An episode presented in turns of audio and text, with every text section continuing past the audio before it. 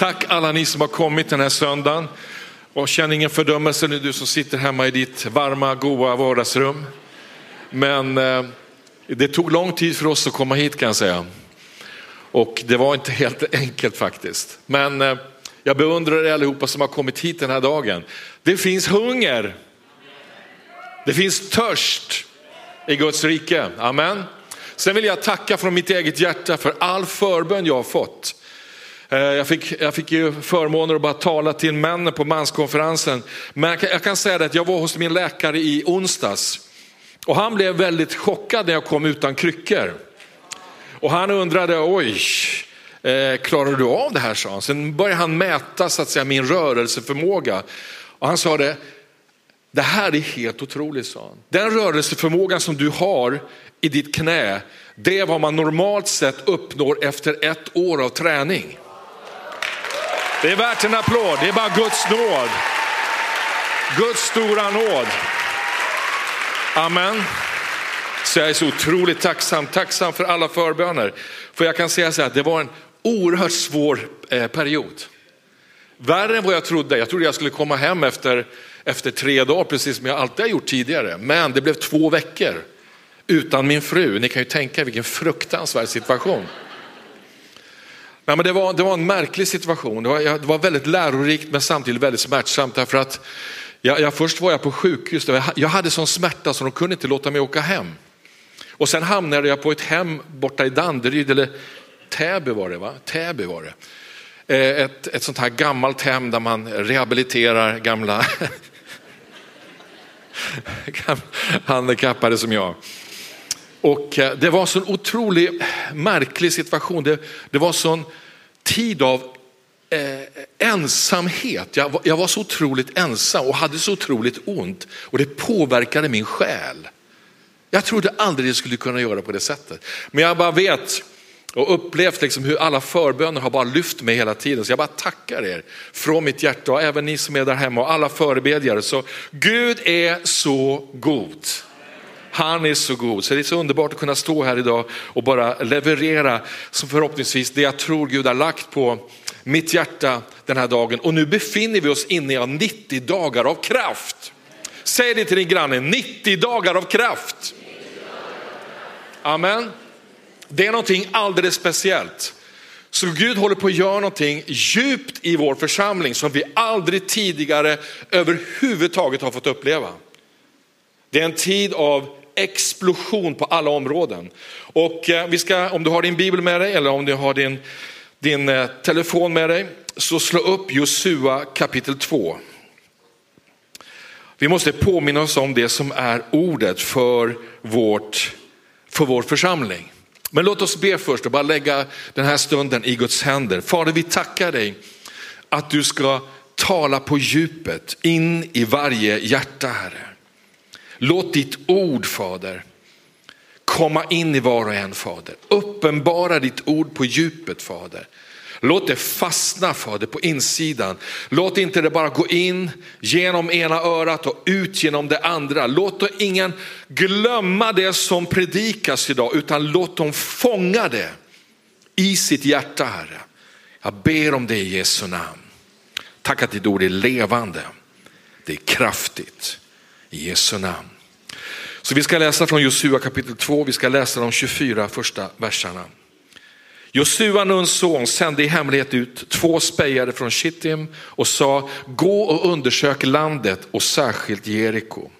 De gav sig iväg och kom in i ett hus där det bodde en prostituerad vid namn Rahab och där la de sig att vila. Men det berättades för konungen i Jeriko, i natt har några israelitiska män kommit hit för att utforska landet. Då sände kungen i Jeriko bud till Rahab och sa, lämna ut männen som kom till dig och tog in i ditt hus. De har kommit för att utforska hela landet. Men kvinnan tog de båda männen och gömde dem. Sen sa hon, ja männen kom till mig men jag visste inte varifrån de kom. Och när porten skulle stängas i skymningen gick männen ut och jag vet inte vart de tog vägen.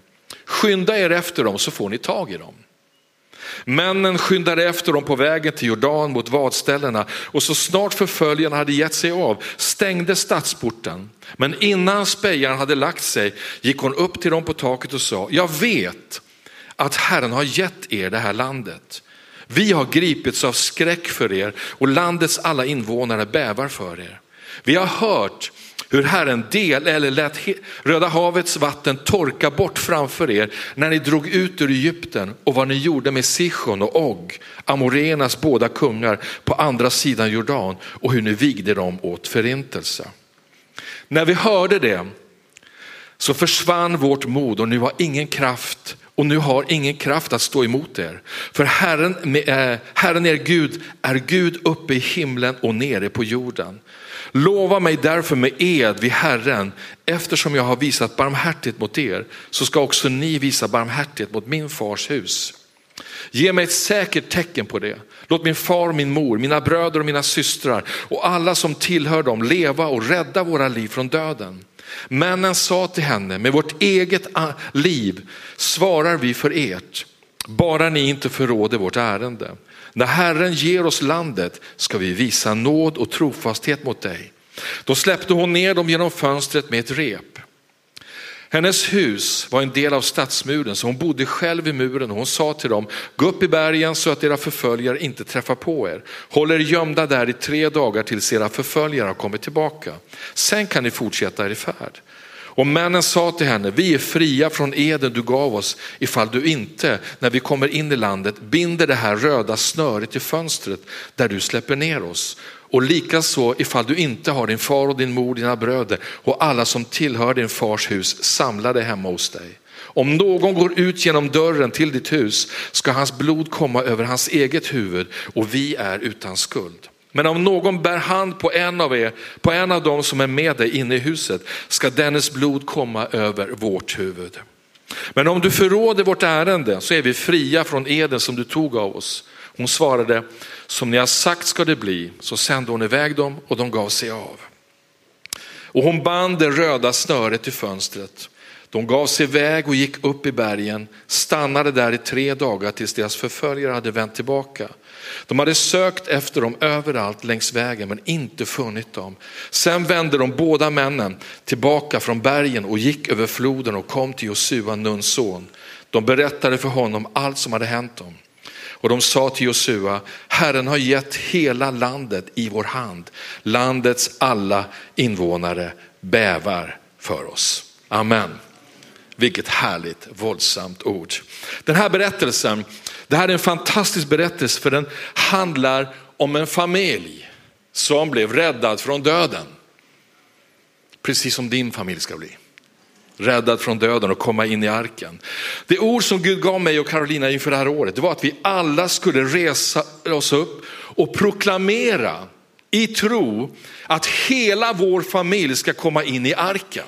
Amen att vår familj ska komma in i arken. Det betyder med andra ord att vår familj ska räddas och bli frälsta och komma in i Guds församling och ge Gud sina liv och tjäna Gud med sina liv. Det här har varit vår bön under hela 2022. Kan du säga efter mig, hela min familj ska komma in i arken. Jag och min familj, vi ska tjäna Herren. 90 dagar av kraft gäller för mig och min familj. Amen, tror du på det? Tack Jesus. Oavsett när du ser det hända så ska du ändå fortsätta att be för din familj. Sluta aldrig be, även när det vänder, eller hur? Tala ut i tro att du och din familj, ni ska tjäna Herren tillsammans. Ge aldrig upp. Amen. Du ska få se dina barn och barnbarn bli frälsta. Hur långt bort de än är från Gud.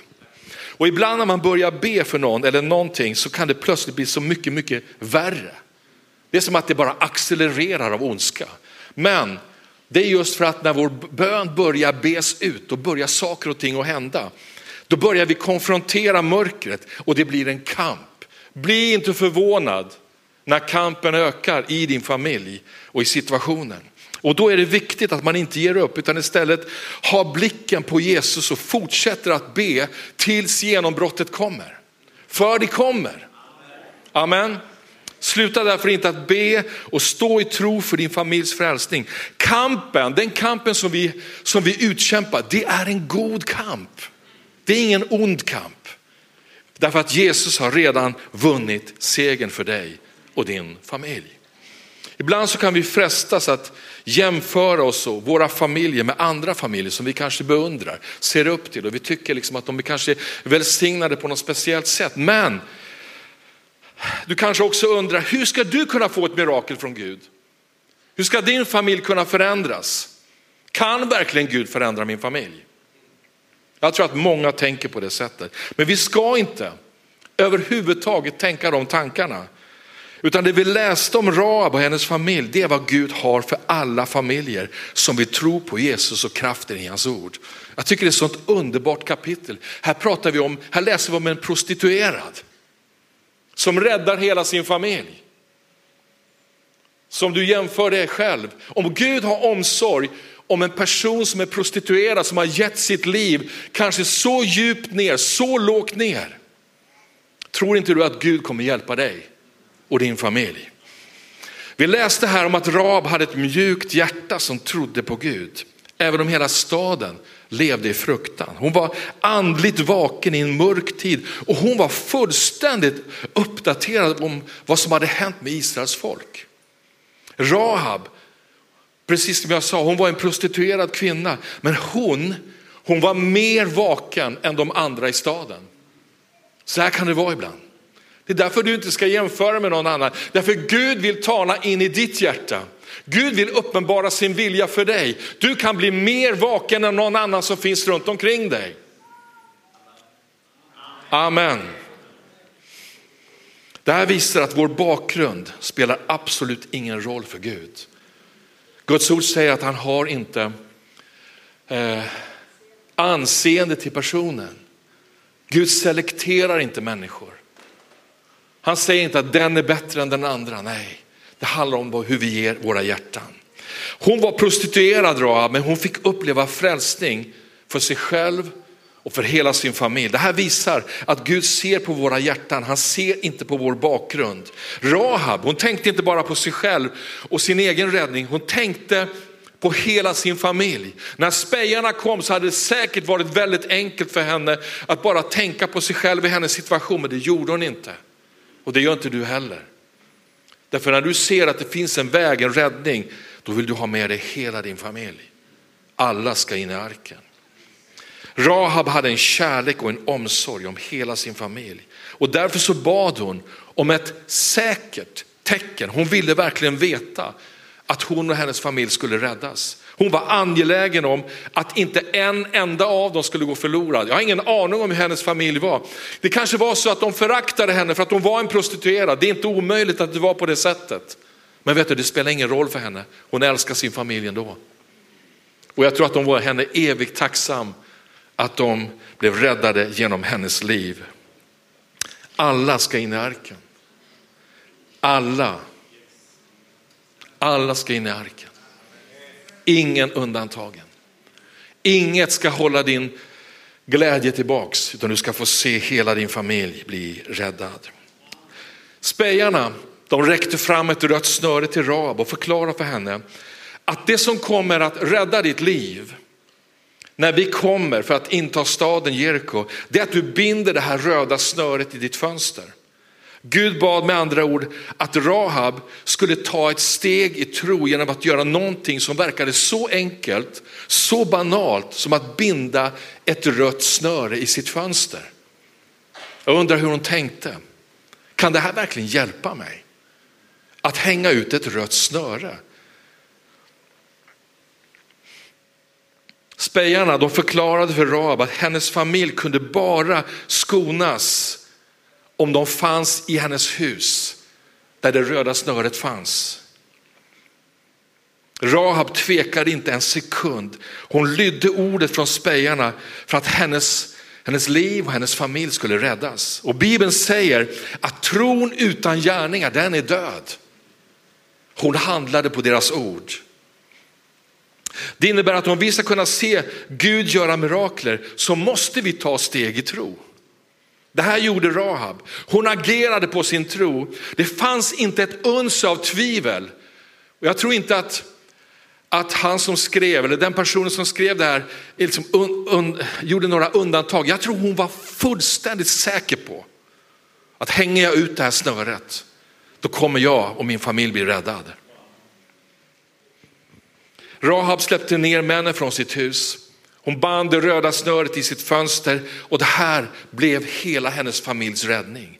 Hon band det röda snöret i tro på att det skulle rädda henne och hennes familj. Det står i Hebreerbrevet 11.31 att genom tron undgick skökan Rahab att gå under tillsammans med dem som inte trodde. Eftersom hon hade tagit emot spejarna som vänner. Det röda snöret räddade hennes liv, men det var inte vilket snöre som helst. Det kanske, du kanske finns här som aldrig hört talas om den här historien. Men det röda snöret, vad är det en bild på? Vad är det en bild på? Jesu blod som köpte dig och mig fri från all synd. Blodet är ett andligt vapen som Gud har gett oss att vinna seger även i vår tid. Carolina och jag vi hade förmånen att i tisdags förra veckan få sitta ner online tillsammans med pastor Cesar och flera av Europas pastorer. Återigen när han delade ordet så delade han om de sju blodsutgjutelserna.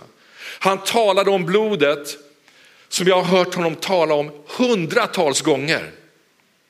Han berättade om eh, mordförsöket på hans liv där uppenbarelsen om blodet räddade honom. Återigen så berättar han för oss, alla pastorer, trots att vi hade hört det så många gånger, om de sju blodsutgjutelserna. Och han bad ut dem över oss, över våra liv, över våra församlingar. Och vet du vad jag upplever? Varje gång jag hör exakt samma budskap, nästan ordagrant, så känner jag hur den heliga ande bara lyfter mig upp på en ny nivå av förståelse för blodet. Jag kände bara när vi åkte i bilen tillsammans, vi började be i bilen, Carolina och jag, de sju blodsutgjutelserna över er, över det här mötet, över den här predikan. Vet du vad jag kände när jag satt i bilen? Jag kände hur den helige ande bara uppenbarade på nytt kunskapen om blodet. Och jag sa det till Carolina, jag känner att Gud bara tar mig upp på ytterligare en nivå. Det här är exakt vad du måste göra med blodet. Jag känner att nästa år, det enda jag vill predika om, det är Jesu blod. Därför det kommer rädda oss, det kommer rädda din familj. Du kan inte bara anta, hoppas och tro att din ska, familj ska vinnas för Gud utan att du har lösningen på det problemet. Lösningen är att be ut de sju blodsutgjutelserna. Och jag kan garantera dig, det finns inte en chans för mörkret att hålla tillbaka din familj. Amen. Blodet är fantastiskt. Så låt mig förklara.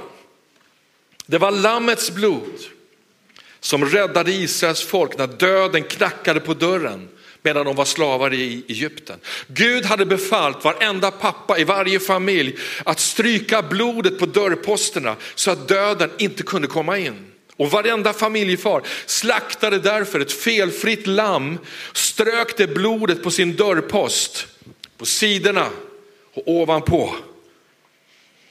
Och det gjorde att ingen i familjen dog när dödsängen gick genom Egyptens land. Det här är vad vi behöver göra varenda dag över våra liv och över våra familjer. Jag kan säga dig, jag kan ge dig en garantistämpel på att om du gör det här varje dag så kommer du få se hela din familj komma in i arken. Garanterat.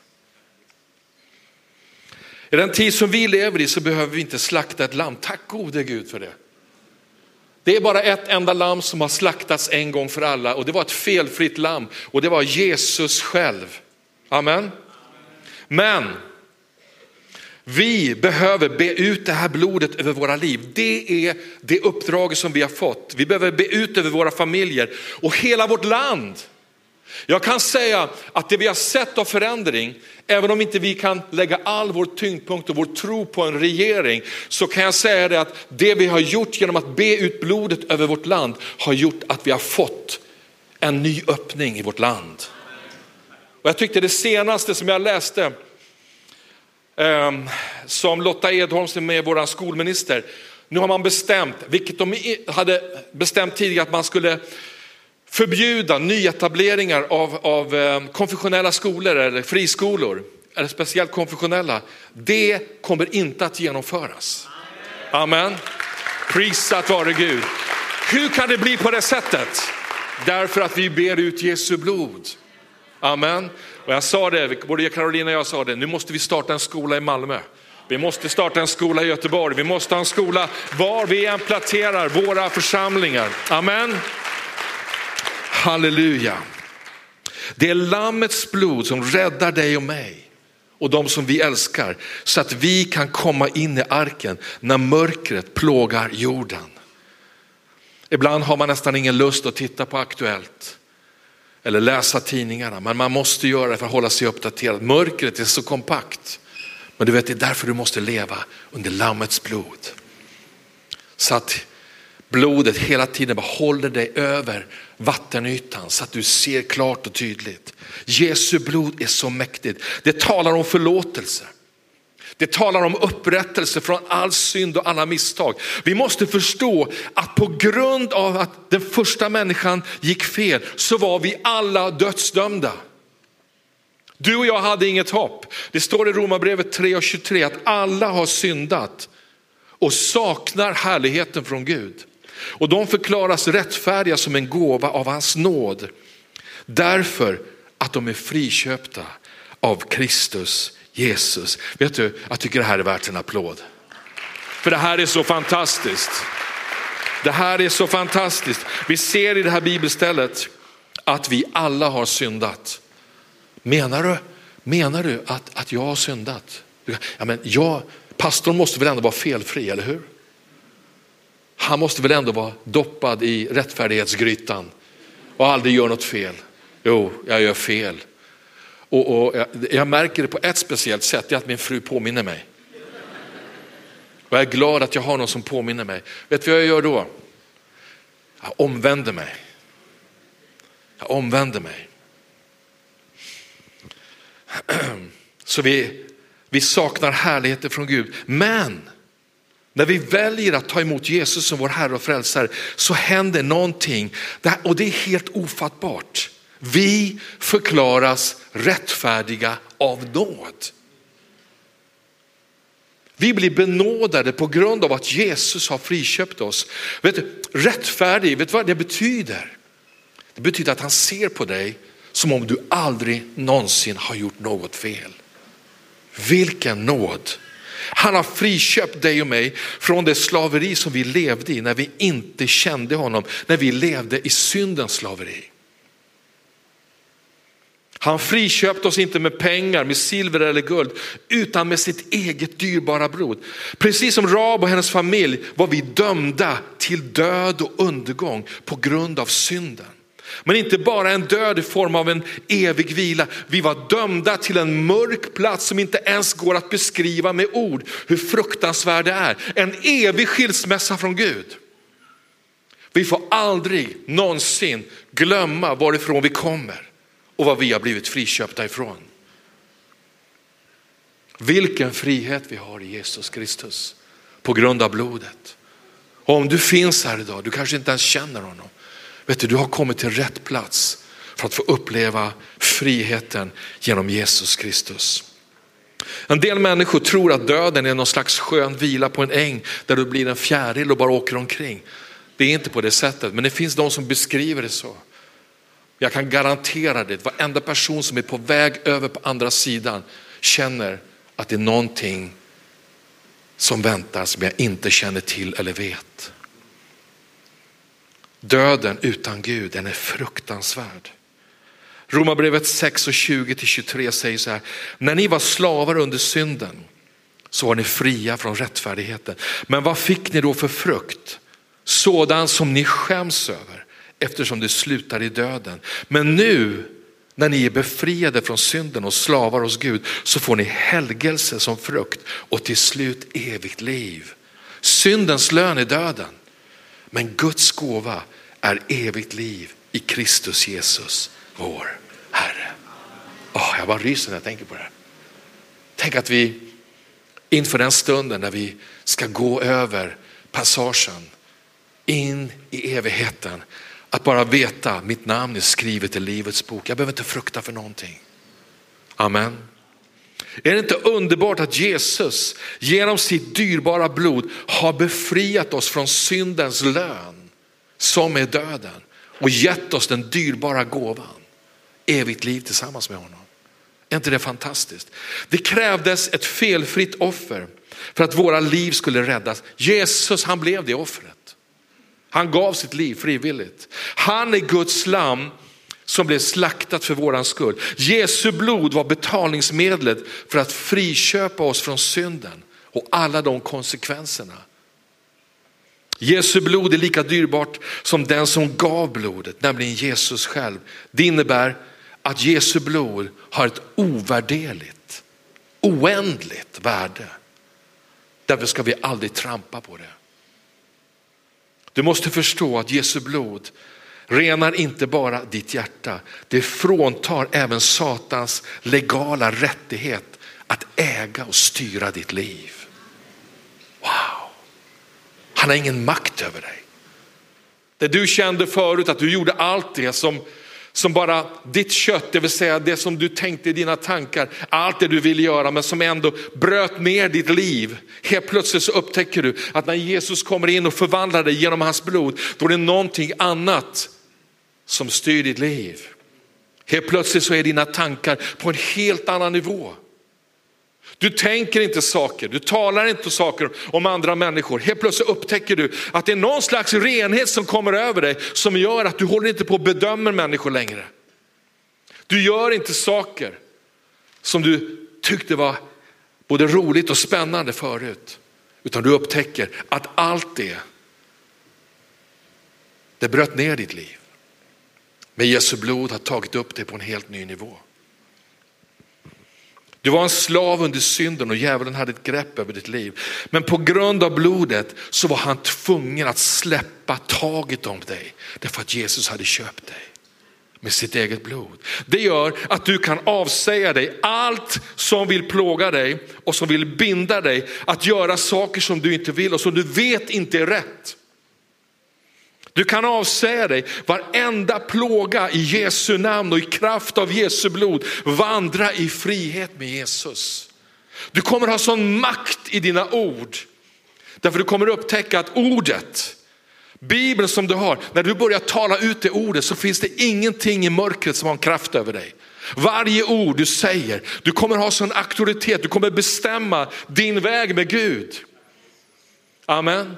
Och när du ser människor gå bort ifrån Gud, dina vänner lämnar liksom och bara fortsätta det här gamla livet så kan du börja proklamera och begära hedningarna till din arvedel. Därför att Gud har gett dig auktoritet i namnet Jesus. Han har gett dig auktoritet i namn, i, i, i, genom Jesu blod. Därför att du är ren. Amen. Det här är så fantastiskt. Uppenbarelseboken 12 och 10 säger så här, jag hörde en stark röst i himlen säga, nu tillhör frälsningen och makten och riket vår Gud och väldet hans smorde. För våra bröders åklagare är nerkastad, prisat vare Gud. Han som dag och natt anklagade dem inför vår Gud. De övervann honom genom lammets blod och genom sitt vittnesbörds ord. De älskade inte sitt liv så högt att de drog sig undan döden. Vet du, kraften i alla de outreach vi gör, vet du, det är inte för att vi på något sätt ska ha en verksamhet så att vi ska känna oss duktiga, att vi har vi har en satsning i Husby, en satsning i Rinkeby, en satsning här i kyrkan. Nej, det är för att vittnesbördets ord går ut och sätter människor fria genom lammets blod. Det är det som är det viktiga. Det är därför vi har outreach. Därför att de övervann honom genom lammets blod och genom sitt vittnesbördsord. Vi måste komma ihåg att det vi säger med våra ord, när vi har blivit frälsta, när vi har tagit emot reningen genom Jesu blod, då är det våra ord som kommer sätta människor fria. Våra ord, vårt vittnesbörd om vad Lammets blod har gjort genom våra liv kommer sätta människor fria. Det är därför vi kommer se många människor bli frälsta. Vi ser i de här verserna att Satan, han beskrivs som en åklagare som anklagar dag och natt. Jag tror många av oss har känt oss ibland anklagade dag och natt. Men han är nerkastad och han är besegrad. Och det är sanningen. Det här gör att du vinner seger över varenda plåga, varenda utmaning och prövning genom att du med din mun vittnar om vad blodet har gjort för dig och din familj. När du vaknar upp varje morgon. Jag tror vi alla har gått igenom situationer där, vi, där våra hjärtan blöder för de som, är, som står oss närmast. Men när vi vittnar om vad blodet har gjort för oss och proklamerar ut det. Istället för att vi känner sorg och smärta så vänds det istället till att vi börjar vittna om vad blodet har gjort. Då börjar det hända någonting i de här människornas liv. Amen. Prisat vare Gud. Det här är någonting vi behöver göra varenda dag. När jag växte upp i Uppsala, jag föddes i Uppsala, var med i Pingstkyrkan, så hade man ett hem för missbrukare. Jag kommer aldrig glömma det, jag tror att jag har sagt det någon gång här också. Men de blev fria från missbruk för att de varje morgon började med att tacka Jesus för blodet en lång stund. De sjöng lovsånger och bad och Gud reste upp de här männen till profeter, lärare, pastorer. Jag kommer aldrig glömma när jag som liten kille, så här, fem, sex, sju år, ja, kanske till och med lite äldre, det var första gången jag hörde om Jesu blod. Och de här männen de reste sig upp frimodigt och det var eh, när, när vi hade bön och de proklamerade och tackade Jesus för blodet. Jag tyckte det var så läskigt. De bara pratade om blodet. Jag tyckte det var så otäckt. Tills en dag då jag förstod att det var det som hade satt dem fria. De var så medvetna om att blodet var den nyckeln rakt inför missbrukets, att missbruket skulle upphöra i deras liv. Jag kommer ihåg de här än idag och många av dem de är starka i Gud, har gift sig, fått familjer. Jesu blod förändrade deras liv. Jag hörde pastor Cesar berätta en berättelse en gång för att beskriva vad blodet gjort för oss. Jag vill bara dela den här berättelsen, även om du har hört den. Den går så här att under det år som slaveriet var legalt i USA så var det en man som råkade passera en slavaktion. Mannen han stannade längst bak för att se vad som pågick. Och från sin plats längst bak i mängden av åskådare så såg han den ena slaven efter den andra bara ledas upp på en plattform och deras armar och ben var bundna precis som om de vore djur. Det här är en sann berättelse. De visades fram för den här hånfulla massan, aktionerades ut en efter en. En del ville inspektera slavarna, de tog tag i kvinnorna, liksom. de förnedrade dem, de liksom kände på dem på ett, på ett fruktansvärt sätt med en brutalitet som fanns över dem. Ingen respekt för att de var människor. Och mannen iakttog en grupp slavar som stod intill honom och som väntade på att de skulle säljas. Hans ögon fick syn på en ung kvinna, eller en ung flicka egentligen, som stod längst bak och hennes ögon var fyllda av så mycket fruktan Hon såg så skräckslagen ut. Och när flickan kom upp på scenen så bjöd han två gånger så mycket som alla andra erbjöd. Så mannen som var auktionsförrättaren slog med klubban och sa, såld till mannen längst bak, sa han. Och mannen han trängde sig fram genom hopen av människor. Han väntade medan den unga flickan skulle ledas fram till sin nya ägare. Och repet som hon var bunden med räcktes över till mannen. Eftersom han skulle hålla i det repet och bara ta med henne hem. Den här unga flickan hon stirrade ner i marken och plötsligt så såg hon upp och så spottade hon honom i ansiktet. Tyst så tog han fram sin näsduk och torkade sig i ansiktet. Han log vänligt mot flickan och sa kom, kom så går vi. Han följde, hon följde med honom motsträvigt till den här platsen där betalningen skulle äga rum. Och det var platsen där även de här lagliga dokumenten skulle undertecknas som ett bevis på att, att flickan verkligen tillhörde den här mannen. Och mannen undertecknade sedan ett fribrev som gav slaven ett bevis på att hon var fri. Mannen överräckte sedan alla dokumenten till flickan och förvånad och osäker så tittade hon på honom och hennes ögon de bara smalnade för en stund och så frågade hon, vad är det du gör egentligen? Hon förstod inte vad han gjorde. Här sa han, ta papperna sa mannen. Jag köpte dig för att du skulle bli fri. Så länge du har de här papperna kan ingen göra dig till slav igen, sa mannen. Flickan tittade på honom. Hon var överväldigad, hon var alldeles tyst. Så du köpte mig för att ge mig min frihet. Hon sa det om och om igen. Du köpte mig för att ge mig friheten. Och så började hon gråta. Hon grät hejdlöst.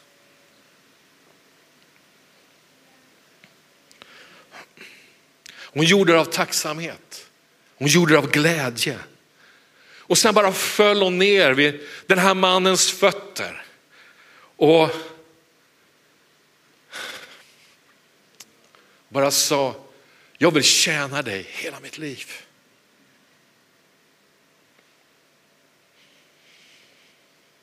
Det här, den här berättelsen, den speglar, det är en bild på precis vad blodet har gjort för dig och mig.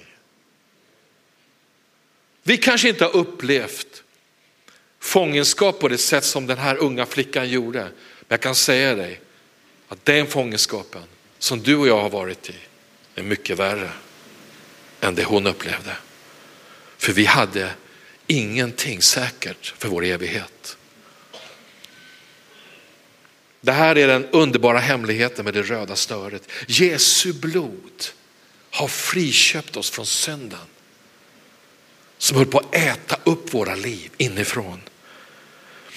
Du var slaven, men han, din Herre och frälsare, köpte dig fri.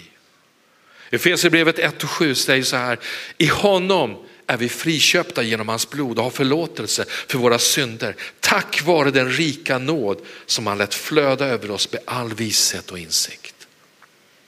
Friköpta genom hans blod.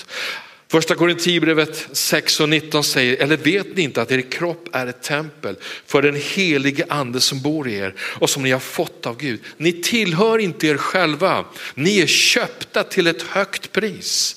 Ära då Gud med er kropp. Matteus 20 och 28 säger, så har inte heller människosonen kommit för att bli betjänad utan för att tjäna och ge sitt liv till lösen för många. Wow. Och så läste vi tidigare Romarbrevet 3 och 23. Alla har syndat och saknar härligheten från Gud och de står som rättfärdiga utan att ha förtjänat det av hans nåd därför att Kristus, Jesus har friköpt dem. Det här är så otroligt stort. Du och jag är här idag därför att vi är friköpta, vi är fria, vi är inte fångar längre. Våra händer är inte bundna. Våra fötter är inte fjättrade. Vår själ är inte bunden i synd. Du och jag, vi är fria genom Jesus Kristus. Låt oss då förhärliga honom genom våra liv. Känner inte du precis samma glädje som den här slavflickan gjorde? Vi kanske spottade Jesus i ansiktet vid något tillfälle. Men han bara torkade av det, bara log mot oss och säga jag älskar dig ändå. När vi förstår det här, när vi verkligen förstår att vi är friköpta från synden, så förlorar synden sitt grepp över oss. Hör vad jag säger? Synden förlorar sitt grepp. Världen förlorar sin dragningskraft. Det blir inte intressant med att leva i synd, att leva i sex före äktenskapet, att förnedra oss själva genom det vi säger och det vi gör. Det blir inte intressant, det finns ingen dragningskraft i det. Varför? Därför blodet har satt dig fri. Om du fortfarande känner en dragningskraft till världen och du, du bara känner sig, jag måste vara ut. Jag, jag måste ut och supa skallen av mig. Jag måste ut med mina polare och ta ett glas vin och snacka, ursäkta mig, skit. du har sån dragningskraft ut till det här. Vet du en sak? Då Behöver du omvända dig på nytt, då måste du komma tillbaks till den sanna kärleken. För att komma hit och sen bara rakt ut i världen, det är som att spotta Jesus i ansiktet. Som den där unga flickan gjorde. Nej, synden förlorar sitt grepp över oss och dragningskraften till världen försvinner. När vi verkligen låter Jesu blod sätta oss fullständigt fria. Låt oss se kort vad du har genom blodet. Och vi ska bekänna det här tillsammans. Så jag ska bara be att allihopa bara står upp. För när vi bekänner nu tillsammans så behöver vi ha mycket lungor, eh, mycket luft i lungorna. Därför det här är så viktigt. Det vi säger kommer förvandla våra liv. I Efesierbrevet, den första bekännelsen, i Efesierbrevet 1 och 7 står det, i honom är vi friköpta. Vänta, jag säger till. Ja, bra. Det är bra att ni är på hugget, det är fantastiskt. Efesierbrevet 1 och 7 säger, i honom är vi friköpta genom hans blod. Vad betyder friköpt? Det kanske är någon som säger så här, ja jag vet vad det innebär att gå och köpa mjölk och så, men att vara friköpt, vad innebär det?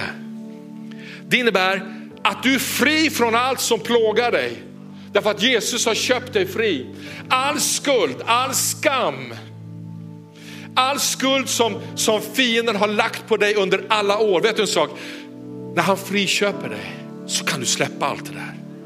Därför att han bär det. Så bekänn efter mig, genom Jesu blod är jag friköpt.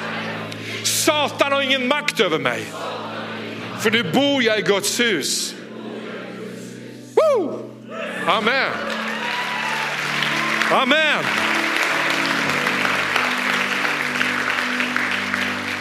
Efesierbrevet 1 och 7, den sista delen, där står att vi har förlåtelse för våra synder på grund av den rika nåden. Alla dina synder är förlåtna. Även om fienden kommer och knackar på dörren och säger du, det där har du väl inte gjort upp med. Då har du rättighet på grund av nåden att säga du, du har ingen rätt att komma och påminna om saker som är under blodet. Det här, Jesus har burit det här. Har du inte förstått det? Du är besegrad, du är nedkastad. Se till att vara där du ska vara. Du är nedkastad, du är besegrad. Inget skiljer dig från Gud längre. Så bekänn efter mig. Genom Jesu blod har alla mina synder blivit förlåtna. Det finns ingen skuld kvar. För allt blev utraderat på Golgata kors. Woo! Amen. Amen. Tack Jesus.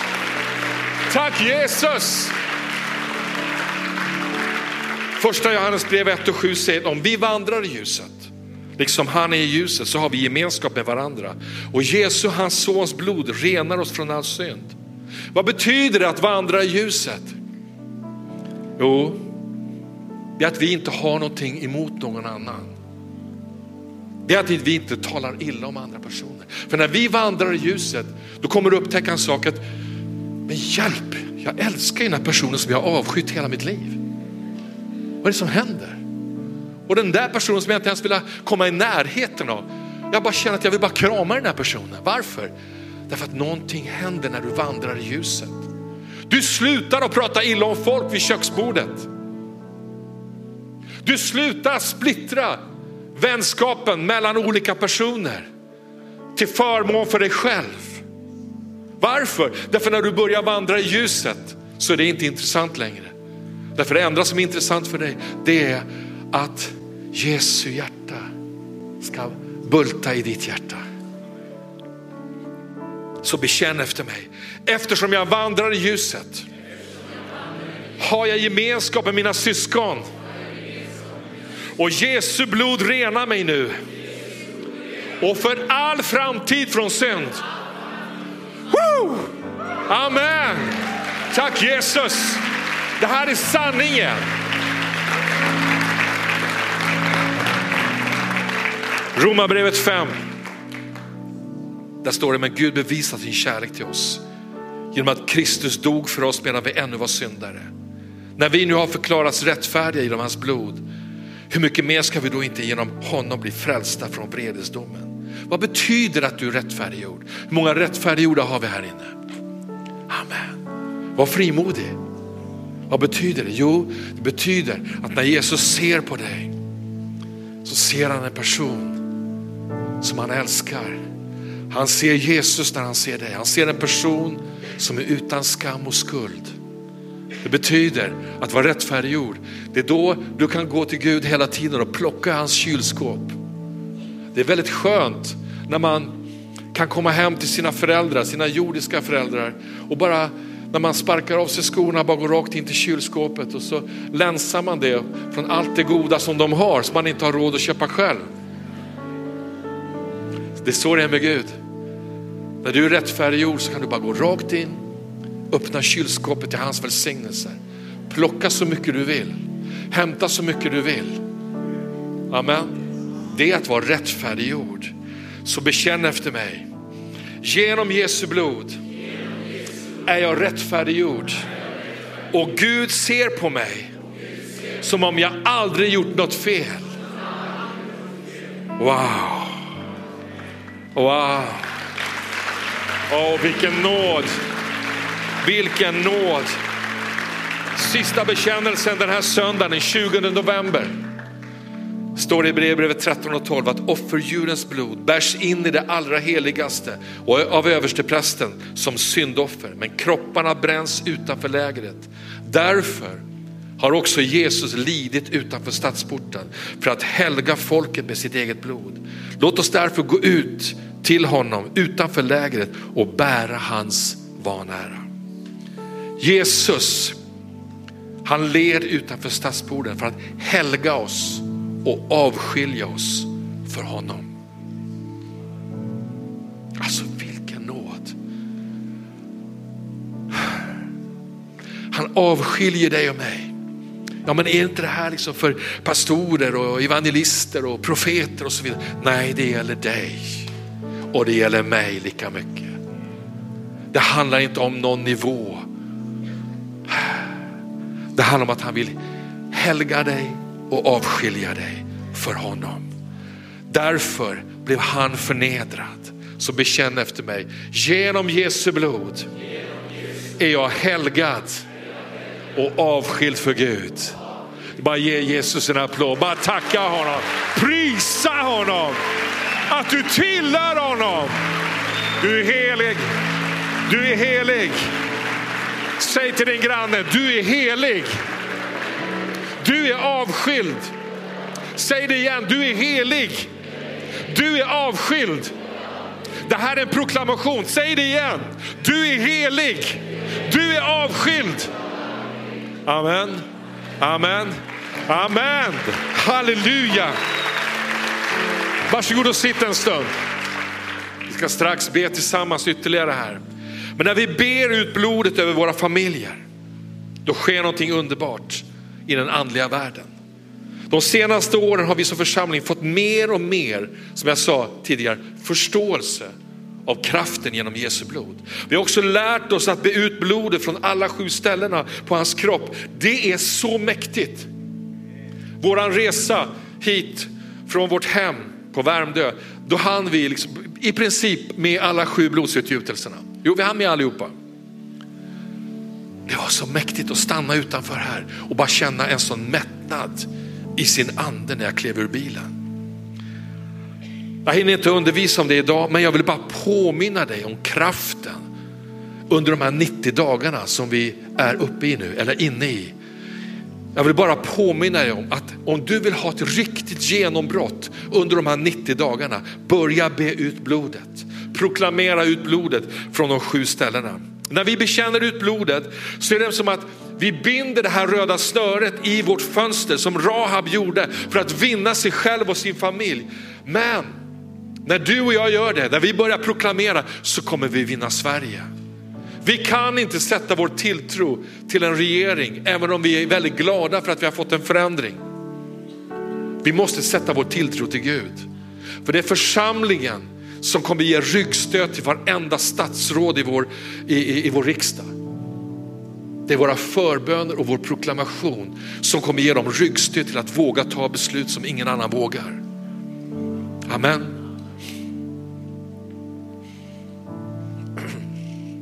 Låt mig därför avsluta min predikan med att bara läsa vad som hände med Rahabs föräldrar och syskon efter det att hon hade bundit det här röda snöret. Och det står i Josua kapitel 6, vers 21 till vers 25. Det här är så underbart.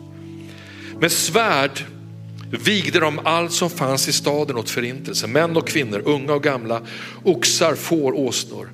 Men till de båda männen som hade spejat i landet sa Josua, gå in i den prostituerades hus och hämta ut kvinnan därifrån tillsammans med alla som tillhör henne. Så som ni har lovat henne med ed. Då gick de unga spejarna in och hämtade ut Rab och hennes far och mor, hennes bröder och alla som tillhörde henne. Hela hennes släkt hämtade de ut och lät dem stanna utanför Israels läger. Men staden och allt som fanns i den brände de, endast silvret och guldet och det som var koppar eller järn lade de till skatten i Herrens hus. Den prostituerade Rab och hennes fars hus och alla som tillhörde henne lät Josua leva. Wow. På grund av snöret. Hon bor bland israeliterna än idag därför att hon gömde spejarna som Josua hade sänt för att speja vid Jeriko. Hon gjorde någonting som verkligen inte var politiskt korrekt, som gick emot hennes egen kung. Men hon visste, hon visste, därför det fanns någonting inom henne. Hon hade hört om det israelit, israel, israelitiska folket som hade gått genom Röda havet, slagit Amoreernas konungar. Hon visste, här finns det räddning.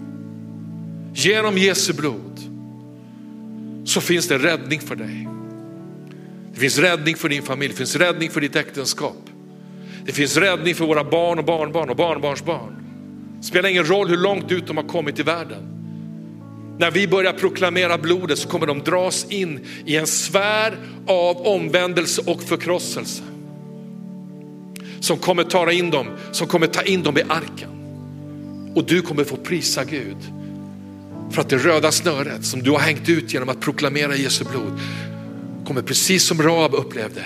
De kom för att hämta allt som tillhörde henne.